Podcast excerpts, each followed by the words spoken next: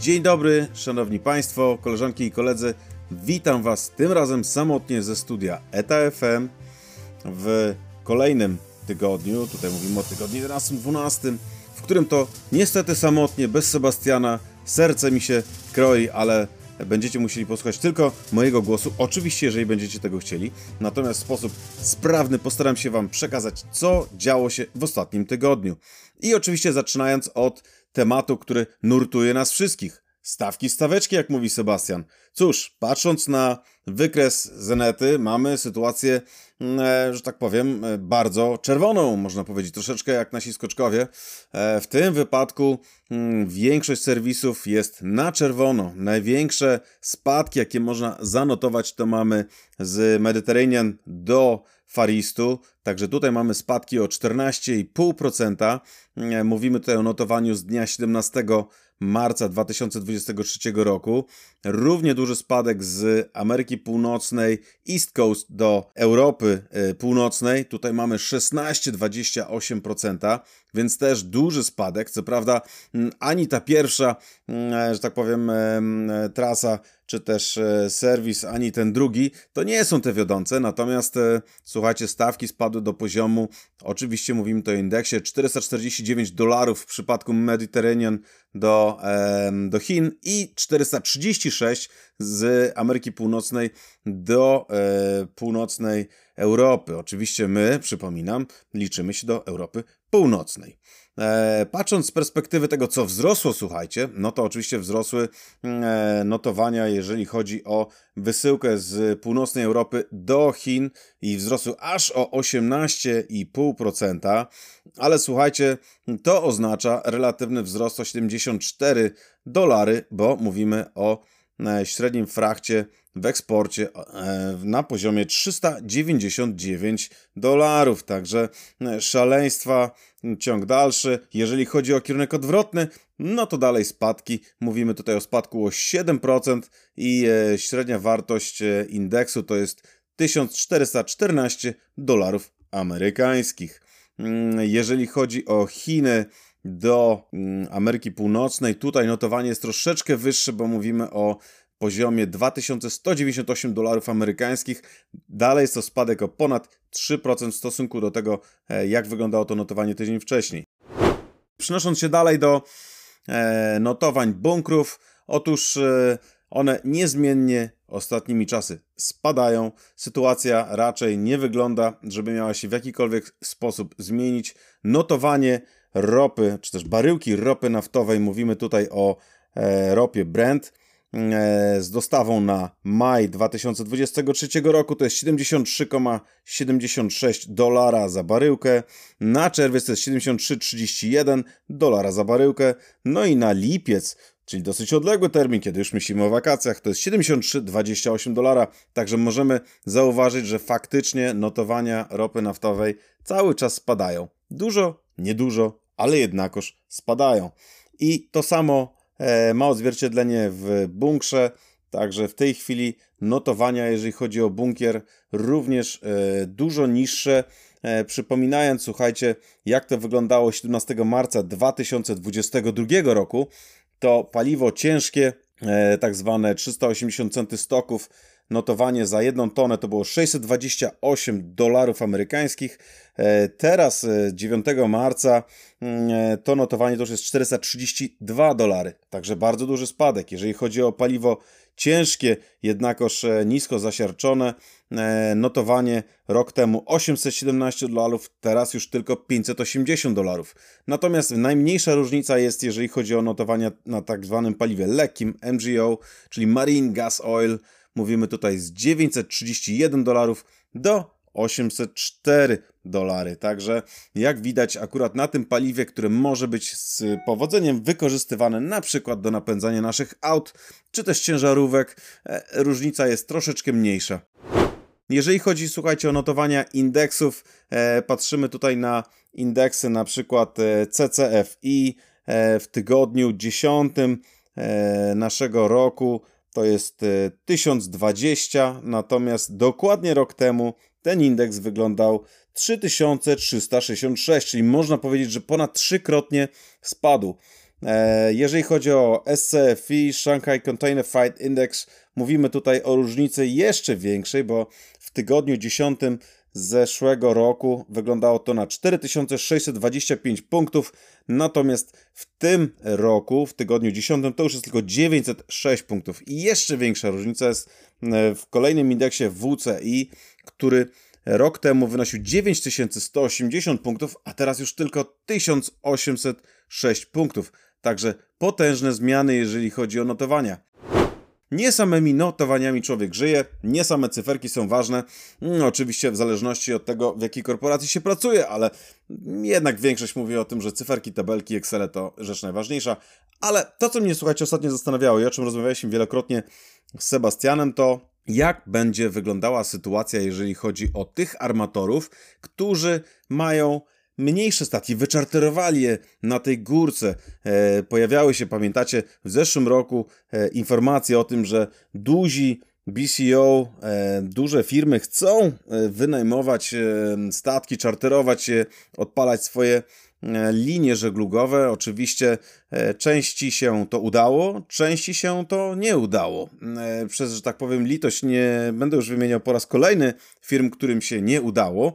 Jednakoż te firmy są bardzo dobre, jeżeli chodzi o składanie różnych rzeczy i przewożenie ich w pudełkach. Ale Słuchajcie, e, jedna z takich firm, która była dla mnie bardzo zastanawiająca, to jest e, firma, która powstała, że tak powiem, w Niemczech z siedzibą w Hamburgu. E, mówimy tutaj o firmie, która jest połączona z grupą Schwarz, czyli właścicielem innymi Lidla. Firma ta nazywa się Tailwind Shipping Lines, jak już wspomniałem, siedzibą w Hamburgu.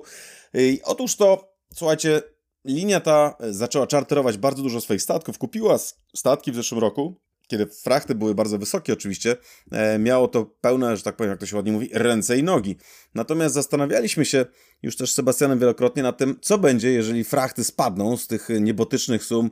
Ok, można mówić, to było 6 tysięcy, czy 8 tysięcy z Dalekiego Wschodu do Europy, czy 10 tysięcy, e, w zależności od tego, jak na to patrzeć. Natomiast były to dużo wyższe stawki niż, niż są one w tym roku. I teraz patrząc e, na to, co, co się działo, słuchajcie, mm, Tailwind, który odpalił te serwisy, odpalił dwa serwisy. Jeden nazywa się Tiger Express, e, w skrócie TEX. No mi się kojarzy z Teksasem, ale niech będzie i Tiger Express. I to jest serwis z Bangladeszu do Europy. E, statki, które tam są odpalone, to są statki o wielkości 800-900 TU, czyli takie no nie za duże. Natomiast jeżeli chodzi o serwis, mówimy tutaj o Chatogram, Chittagong, e, Barcelona, Merdijk, e, Limassol, Chatogram. E, jeżeli chodzi o lub, zajmują 54 dni, także przy zachowaniu trzech jednostek, mm, które są w tej chwili tutaj rozłożone, mówimy o zawinięciu co 18 dni, czyli nie co tydzień, nie co 14, ale co 18 dni. Także jest to dosyć ciekawe, no ale wiecie, z drugiej strony, jeżeli armator działa sam pod siebie, no to de facto, czy to jest 7 dni, 10, 12, 11, 15, nie ma większego znaczenia. Jest to głównie serwis, który obsługuje właśnie e, spółki z grupy Schwarz. Natomiast drugi ciekawy serwis to jest Panda Express, PAX. Mm, no tutaj jakby Panda już mi się kojarzy jednoznacznie z Chinami, nie wiem jak z wam, ale z wam, ale mm, e, generalnie mamy tej rotację Ningbo, Dachan Bay, e, Koper, Barcelona, Rotterdam i Ningbo z powrotem. E, jeżeli chodzi o obsługę, tutaj mamy trzy statki o wielkości 3800 do 4900 e, TU, plus statek Talasa, który ma 5500 tysiąca. Obecnie są w tej chwili na przeglądzie w stoczni w Chinach. Natomiast ostatnio również został wyczarterowany statek Chicago, który ma 6000 TU. E, i co ciekawe ma dołączyć 26 kwietnia do właśnie tego serwisu e, i zainaugurować to wyjściem z portu Ningbo. Także e, okazuje się, że ten serwis też rośnie na znaczeniu. I co ciekawe, najwidoczniej, mimo tego, że mm, sytuacja na rynku przewozów jest jaka jest, dalej Lidl czy też grupa Schwarz chce utrzymać Tailwind i dalej inwestuje. To jest bardzo istotne. E, co ciekawe, słuchajcie też, E, informacja jest taka, że oczywiście, jeżeli chodzi o te przewozy, według e, nieoficjalnych źródeł, po prostu właściciele chcą zachować pełną kontrolę nad transportem tych, tych towarów, które są nie, nie z żywnością. Głównie tutaj mówimy o tekstyliach, także oraz o wszelkich innych rzeczach, które możemy znaleźć w firmach należących do sieci. E, czy inaczej, czy firmach należących do grupy, bo o to chciałem, o tym chciałem powiedzieć. E, natomiast jeżeli chodzi o, e, o to działanie, najwidoczniej jest ono uwarunkowane po prostu chęcią kontroli, pełnej kontroli nad, nad swoim supply chainem. Z drugiej strony, i to jest to, co bardziej odpowiada temu, o czym mówiliśmy z Sebastianem ostatnio, to mówimy tutaj o e, bankructwie jednej z firm. Otóż Focus Container Line jest to firma, która została również założona na tej górce, kiedy wszyscy armatorzy i wszyscy myśleli o tym, jak tutaj można by było zarobić jeszcze więcej pieniędzy na bardzo wysokich frachtach. No ale jak się okazało, ta firma, która e, z siedzibą w Australii, pływała pomiędzy Chinami, Australią i Nową Zelandią. Niestety okazało się, że, że będzie musiała niestety mm, zrezygnować z działalności. Unifeeder, nasz znany i lubiany operator short sea feederowy, e, należący do DP World, czyli operatora terminalowego również, jak się okazało, otwiera nowy serwis e, na Karaibach. E, ja musiałem dwa razy, przyznam szczerze, słuchajcie, przeczytać tą wiadomość, no bo zacząłem się zastanawiać, czy aby mm, może to nie zaszła jakaś pomyłka, może chodziło o jakieś inne wyspy w okolicach, tym razem Europy, ale nie. Jest to, słuchajcie, serwis, który rozpoczyna swoją działalność w marcu. E, ma on połączyć Dominikanę z Puerto Rico oraz z Haiti. Także jeżeli chodzi o pokrycie portów, mamy tu, tutaj Caucedo, Port-au-Prince, e, San Juan i Caucedo z powrotem. Także będzie on obsługiwany przez statek, który, o ile dobrze pamiętam, e, nawet całkiem znany. Jest to Elb Runner 974 TU. W tej chwili e, jest on nazywany Seaboard Atlantic. Co ciekawe, słuchajcie, Unifeeder najwidoczniej wychodzi poza e, swoje normalne, geograficzne ramy funkcjonowania i wychodzi na, na Karaiby. No komu lepiej, można powiedzieć, prawda? E, jeżeli, słuchajcie, chodzi o takie ciekawe rzeczy, które też można przeczytać e, w prasie, to mamy tutaj też opracowanie na temat, e, jak wyglądał handel Ameryki Łacińskiej ze światem.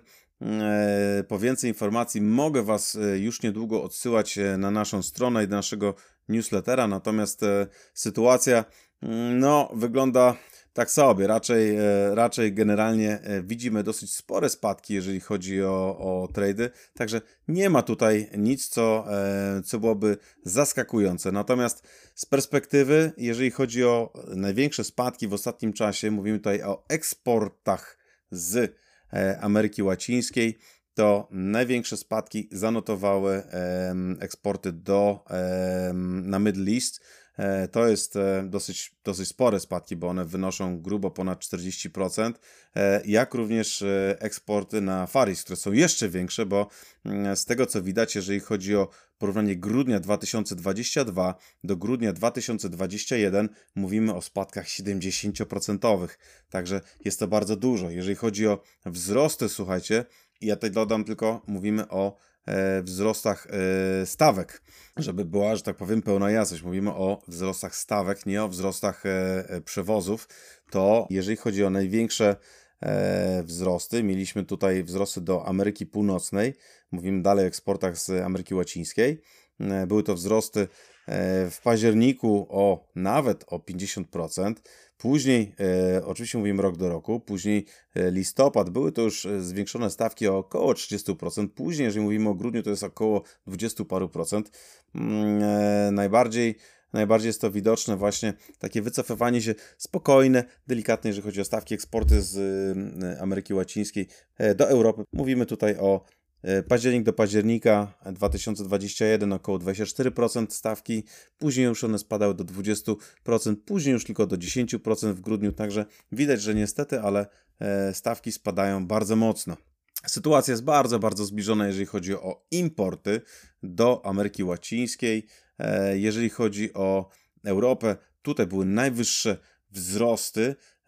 Natomiast e, faktycznie, jeżeli chodzi o porównanie grudnia tego roku z grudniem zeszłego roku, mówimy tutaj o 25% wzrostu, kiedy jeszcze w październiku różnica stawek rok do roku wynosiła prawie 70%. Także widać bardzo dużą przecenę. Natomiast dalej Europa miała pewne różnice, jeżeli chodzi o, o, o frachty. Także tutaj, no cóż, niestety, e, znak czasów.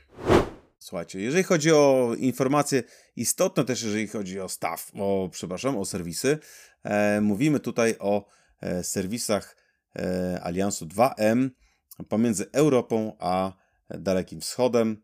I jeżeli chodzi o e, to, co by nas najbardziej interesowało, mówimy o serwisie AE6, czyli to jest serwis Lion e, po MS-cowemu, MS właśnie, jakby to powiedzieć, po, po MS-ciakowemu, no dobrze, po MS-ciakowemu jest to Lion, drugi serwis AE55 Griffin, e, no i trzeci, który nas najbardziej interesuje, bo zachodzi na Baltic Hub, to jest AE10 Silk Service e, i tutaj mówimy, tutaj mówimy o serwisie, który faktycznie wchodzi już od wielu, wielu lat. Natomiast to, co, to, co jest w serwisie AE10 i co się zmienia, to Xiamen będzie przeniesiony na serwis AE10. Rotacja serwisu AE10 wygląda następująco. Shanghai, Tianjin, Qingdao, Gwangyang, Ningbo, Xiamen, Shenzhen, Tanjung Pelapas, Algeciras, Bremerhaven, Gdańsk, Bremerhaven, Rotterdam, Tanjung Pelapas i z powrotem do Szanghaju. Jeżeli słuchajcie, chodzi o kolejne informacje, e, tutaj oczywiście niechybnie przynosimy się na rynek polski. Otóż jak wygląda sytuacja operacyjna e, w Baltic Hubie? Jesteśmy na początku tygodnia 12. Mm, jeżeli chodzi o tydzień 11, nieduże opóźnienia zanotowane przez Mary Mers, bodajże dwie godziny. Jeżeli chodzi o WOCL Japan, e, pierwszy call, e, ponieważ ten call był rozbity, mówimy tutaj o opóźnieniu 54-godzinnym. E, w tygodniu 12 mamy zawinięcie statku WOCL Japan, czyli drugie zawinięcie w tym razem pewnie załadunkowe, zawinięcie serwisu Ocean Alliance, drugie na e, terminal w tygodniu 12, mówimy tutaj o WOCL Indonesia, e, jest spodziewane około 56 godzin później niż normalnie, także mówimy tutaj o zawinięciu e, nad ranem w piątek. Jeżeli chodzi o Marstal Mersk, czyli zawinięcie serwisu 2M, ono jest spodziewane w sobotę o godzinie 5 rano, czyli jest to 12 godzin opóźnienia, czyli niewiele. Jeżeli chodzi o dwell time kontenerów, e, szanowni Państwo, importy zaczynają rosnąć, już e, zaczynają schodzić do poziomu około 5 dni, średnio eksporty spadają. Mm, natomiast ta sytuacja bardzo mocno się zmieni po, po tym rozchwianym rozkładzie w tygodniu 12. Eksporty spadają z tej chwili około 7 dni, puste rosną i to rosną ze średniej z ostatnich 3 miesięcy 10,5 e, można powiedzieć, że w tej chwili, kiedy jest 9,7, sytuacja niby jest lepsza, natomiast strzałka e, na raporcie operacyjnym DCT jednoznacznie pokazuje, że sytuacja idzie troszeczkę w tą stronę e, składowania dłuższego. No i znowu powiedziałem DCT, a powinien powiedzieć Baltic Hub. Mam nadzieję, że już niedługo wejdzie mi to tak bardzo w krew, że już nie będę, nie będę popełniał tej pomyłki. Słuchajcie, jeżeli chodzi o liczbę przeładowanych e, kontenerów na kolei, 6275 kontenerów e, przeładowanych, jest to spadek o 3,5% w stosunku do ostatniego tygodnia. Przypomnę, że mówimy o tygodniu 11. Jeżeli chodzi o średnią z ostatnich 3 miesięcy, to jest 6086 kontenerów, także zacnie, natomiast e, e, w tej chwili sytuacja niestety jest troszeczkę gorsza, spowodowana tym, że przez 27,5 godzin były przerwy w pracy bocznicy kolejowej z uwagi na brak dostępnych składów kolejowych. E, jeżeli chodzi o wykorzystanie okien samochodowych w tym wypadku, mówimy tutaj oczywiście o samochodach ciężarowych, mm, to jest 70% od poniedziałku do piątku. Średni czas obsługi ciężarówki w tygodniu 11 wynosił 30 minut, także dalej serdecznie zapraszamy e, naszych szanownych panów kierowców, e, no i oczywiście te, te panie, które również kierują samochodami ciężarowymi, o to, żeby przyjeżdżać jak możliwie najwcześniej na terminal DCT Gdańsk. Przepraszam, znowu to powiedziałem, Baltic Hub, ale jednak stare nawyki wychodzą dosyć późno. E, także, mm, szanowni Państwo, taka prośba taka prośba do, e, do Państwa. E, było jeszcze kilka innych sytuacji, to już przerwy na bocznicę, to już powiedzieliśmy. Mieliśmy niekorzystne warunki atmosferyczne, czyli silne wiatry, 32 godziny przerwy w pracy oraz oczywiście, jeżeli chodzi o, o statki, mamy tutaj tak zwane split call, czyli faktycznie wyładunek i później załadunek. Ale słuchajcie, przechodząc na szerokie wody, troszeczkę dalej, mm, e, jeżeli chodzi o sytuację na świecie i o flotę. E, otóż flota nieaktywna, jak to się ładnie mówi z angielskiego, idle fleet, cały czas rośnie. O ile e, cały czas mówiliśmy w zeszłym roku z Sebastianem o tym, że sytuacja jest, e, e jest dynamiczna i e, jeżeli chodzi o o ilość e, floty, która pozostaje bez zatrudnienia, bo ona na stosunkowo niskim poziomie, około 2%, poniżej 2%. No w tej chwili sytuacja wystrzeliła i mamy tutaj 6% mm, statków, które nie pływają, z czego około 3% znajduje się w stoczniach, przechodzi kontrolę, przechodzi naprawy, e, przedłużenia klas, natomiast jednak 3% pozostaje bez zatrudnienia po prostu dlatego, że nie ma, e, nie ma po co pływać. Jeżeli chodzi o ilość e, statków, które pozostają bez pracy, to jest 366 jednostek globalnie, ale słuchajcie, jak się popatrzy na, e, na całą e, pojemność tej floty, to jest 1 600 tysięcy TIU. No i tutaj jest to dosyć dużo. Mm, także, no cóż, zobaczymy, jak ta sytuacja będzie wyglądała dalej. Natomiast jeżeli chodzi o e, frachty, czy inaczej o czartery statków, bardzo dużo się zmieniło, szanowni. Mm, przed chwilą mówiliśmy o tym, że Tailwind e, zamówił kolejny statek o wdzięcznej nazwie Chicago. Mm, e, w tym wypadku jest to charter na 12 miesięcy. Widać, że Tailwind się nie boi wyzwań i bierze statek na 12 miesięcy, ale stawka na statek, który przypomnijmy ma 6000 TIU, to jest tylko 25 tysięcy dolarów, także dużo, dużo, dużo mniej niż to, co mówiliśmy w zeszłym roku, kiedy faktycznie stawki osiągały nawet zawrotne poziomy 150 tysięcy albo i więcej. Także tutaj olbrzymi spadek. I jest to najwyższa, najwyższa przykładowa kwota e, czarteru która została e, ostatnio podana przez, przez e, Dynamar e, i Alpha Liner, także inne statki to jest w granicach 18, 15, 14 tysięcy, za statki około 2000, 1700, 3000 TIU, więc sytuacja bardzo mocno się zmienia. Mm, oczywiście, jeżeli patrzymy na stawki charteru, one cały czas są na bardzo niskim poziomie. Wystrzeliły w roku 2022 za statki powyżej 8,5 tysiąca TIU. E, w pewnym momencie płacono grubo ponad 160 tysięcy mm, za dzień charteru, przypomnę. E, no, w tej chwili ta sytuacja wygląda zgoła inaczej i e, wydaje się, że niewiele się zmieni, dlatego że jeżeli chodzi o zamówienia floty, i powiedzmy to, co zostało odebrane przez armatorów e, w lutym 2023 roku, tutaj mamy sytuację, w której cały czas dostarczane są nowe jednostki, zamówione półtora, dwa lata temu. E, największym statkiem, który został odebrany e, w lutym tego roku jest MSC Irina 24 346 TIU, także gratulacje dla koleżanek i kolegów z MSC. Natomiast na drugim miejscu jest MSC Tessa, która ma 24 116 TIU, również MSC i MSC Daria 15 264. Także trzy pierwsze miejsca, można powiedzieć cały podium zgarnia MSC w lutym tego roku. E, natomiast to, słuchajcie, co jest bardzo ciekawe, to oczywiście Mm, to jest tylko luty, a my możemy popatrzeć na to, jak będą wyglądały odbiory w ciągu najbliższych trzech lat, no bo to jest e, dla nas wszystkich interesujące. Im więcej odbiorów, im więcej statków, które pływa, tym możemy się spodziewać, że trudniej będzie armatorom wrócić do poziomu stawek, e, no tych, które były, to raczej to senewraty, jak mówią nasi południowi sąsiedzi, mm, a w każdym razie nie za szybko. Natomiast do tego, żeby te stawki e, były, że tak powiem, na jakimś w miarę komfortowym poziomie dla armatorów, też nic nie zanosi. Patrząc z perspektywy y, aliansów, mamy MSC, Merska i jeszcze małżeństwo trwa. Małżeństwo z rozsądku od początku. W tej chwili już wiadomo, że e, małżeństwo się, że tak powiem, rozpada. E, na 2023 rok oczywiście MSC rozbija stawkę e, statki. Od tych bardzo dużych, mówiąc tutaj NPX-y, to są Neopost Panamaxy, 19 jednostek do odbioru, to są około 13-15 tysięcy statki. E, MGX-y to są statki te największe, około 400 metrów długości, pojemność różna, no bo w zależności od tego, jak, jak że tak powiem, jest, jest e, ułożona, ułożona e, przestrzeń na statku, natomiast to jest około 14 statków właśnie tych największych. W następnych latach MSC w 2024 zamówiło 23 statki, czy spodziewa się odbioru 23 statków tych średniej wielkości.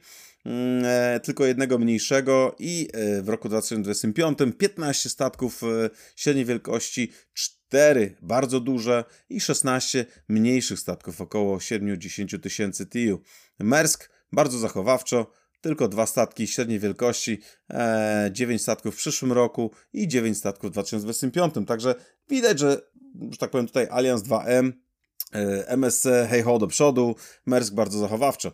Słuchajcie, patrząc dalej, e, w roku 2023 bardzo mało odbiorów Ocean Alliance, bo zaledwie dwa mniejsze statki, pięć średnich, sześć, sześć tych dużych, natomiast rok 2024 12 mniejszych jednostek, średnich jednostek aż 28, mówimy tutaj o wszystkich armatorach z, z Aliansu, 7 tych największych, e, Rok 2025 29 statków średniej wielkości, 3 te największe. No, także tutaj się widać rozkręcają. Natomiast to, co jest bardzo ciekawe, The Alliance, słuchajcie, w tym roku 11 statków bardzo dużych, głównie Hapag Lloyd, 6 jednostek ONI, 5 jednostek, 4 e, mniejsze, 6 w średniej wielkości statków. Przyszły rok 17 mm, statków średnich, 6 największych, 7 mniejszych, no i rok 2025 10 średnich statków i tylko jeden ten największy, także to pokazuje, że e, linie żeglugowe spodziewają się e, aż 89 dużych jednostek w roku 2023. Co tylko słuchajcie, szanowni państwo, oznacza, że najprawdopodobniej, jeżeli chodzi o, mm, e, o popyt i podaż, pozostaną one w bardzo dużej dysproporcji. Otóż popyt na razie wygląda na to, że nie będzie rósł w takim tempie, w jakim rośnie podaż. Także stawki raczej pod dużą presją. Oczywiście, patrząc z perspektywy tego, co dalej będzie się działo, największym statkiem, który e, wyszedł e, swego czasu ze stoczni, mm, e, to był 24 188 TU WOCL Spain. I kiedy nasi koledzy i koleżanki z WOCL Spain, czy z WOCL generalnie, cieszyli się tym, że mają największy statek, otóż niedługo później pojawiła się MSC Irina i zepsuła całą imprezę. Także cóż, e, jest to jak zwykle pełen, e, pełen można powiedzieć, e, emocji, wyścig pomiędzy armatorami. Ale przechodząc, słuchajcie, do portów. Jeżeli chodzi o, o przeładunki w portach, no cóż, nie może być inaczej. Spadki są zauważalne.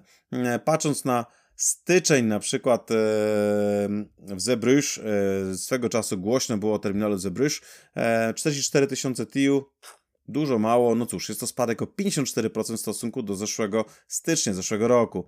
Jeżeli chodzi o, e, o Costco, Shipping Ports, mówimy tutaj o Hiszpanii, generalnie to jest 22% spadków. Słuchajcie, jeżeli chodzi o Euromax Terminal Rotterdam, miesięczny obrót w tym miesiącu, styczniu tego roku, to było 170 tysięcy TU, natomiast to spadek aż o 22% w stosunku do stycznia roku ubiegłego. Antwerp Gateway, mm, tutaj mamy spadek o 20% i poziom 150 tysięcy przeładunku. Pireus Container Terminal, e, znany i bardzo szybko rosnący do tej pory Pireus 322 tysiące, także potężna ilość e, TIU, która została przeładowana w styczniu, ale jest to mimo wszystko 17% mniej niż miało to miejsce rok temu. No i jedyny, który w tej chwili został tutaj zanotowany, mamy tutaj APM Terminal z Vado, terminal Vado o 56% do góry, no ale przodem tylko 19 tysięcy TIU, także niewiele. Jeżeli chodzi o spadki generalnie w portach europejskich, w tej chwili mamy dane, jeżeli chodzi o port w Hamburgu, to jest o 5,1% spadek. Czyli patrząc z tej perspektywy nie jest to aż tak dużo, natomiast spadek do 8,3 miliona TIU przeładowanych w całym porcie w Hamburgu. E, Antwerp E, czy Bruges, jak teraz się mówi, to jest e, spadek o 5,2%, czyli więcej niż Hamburg, natomiast przeładowany zostało 13,5 miliona TIU.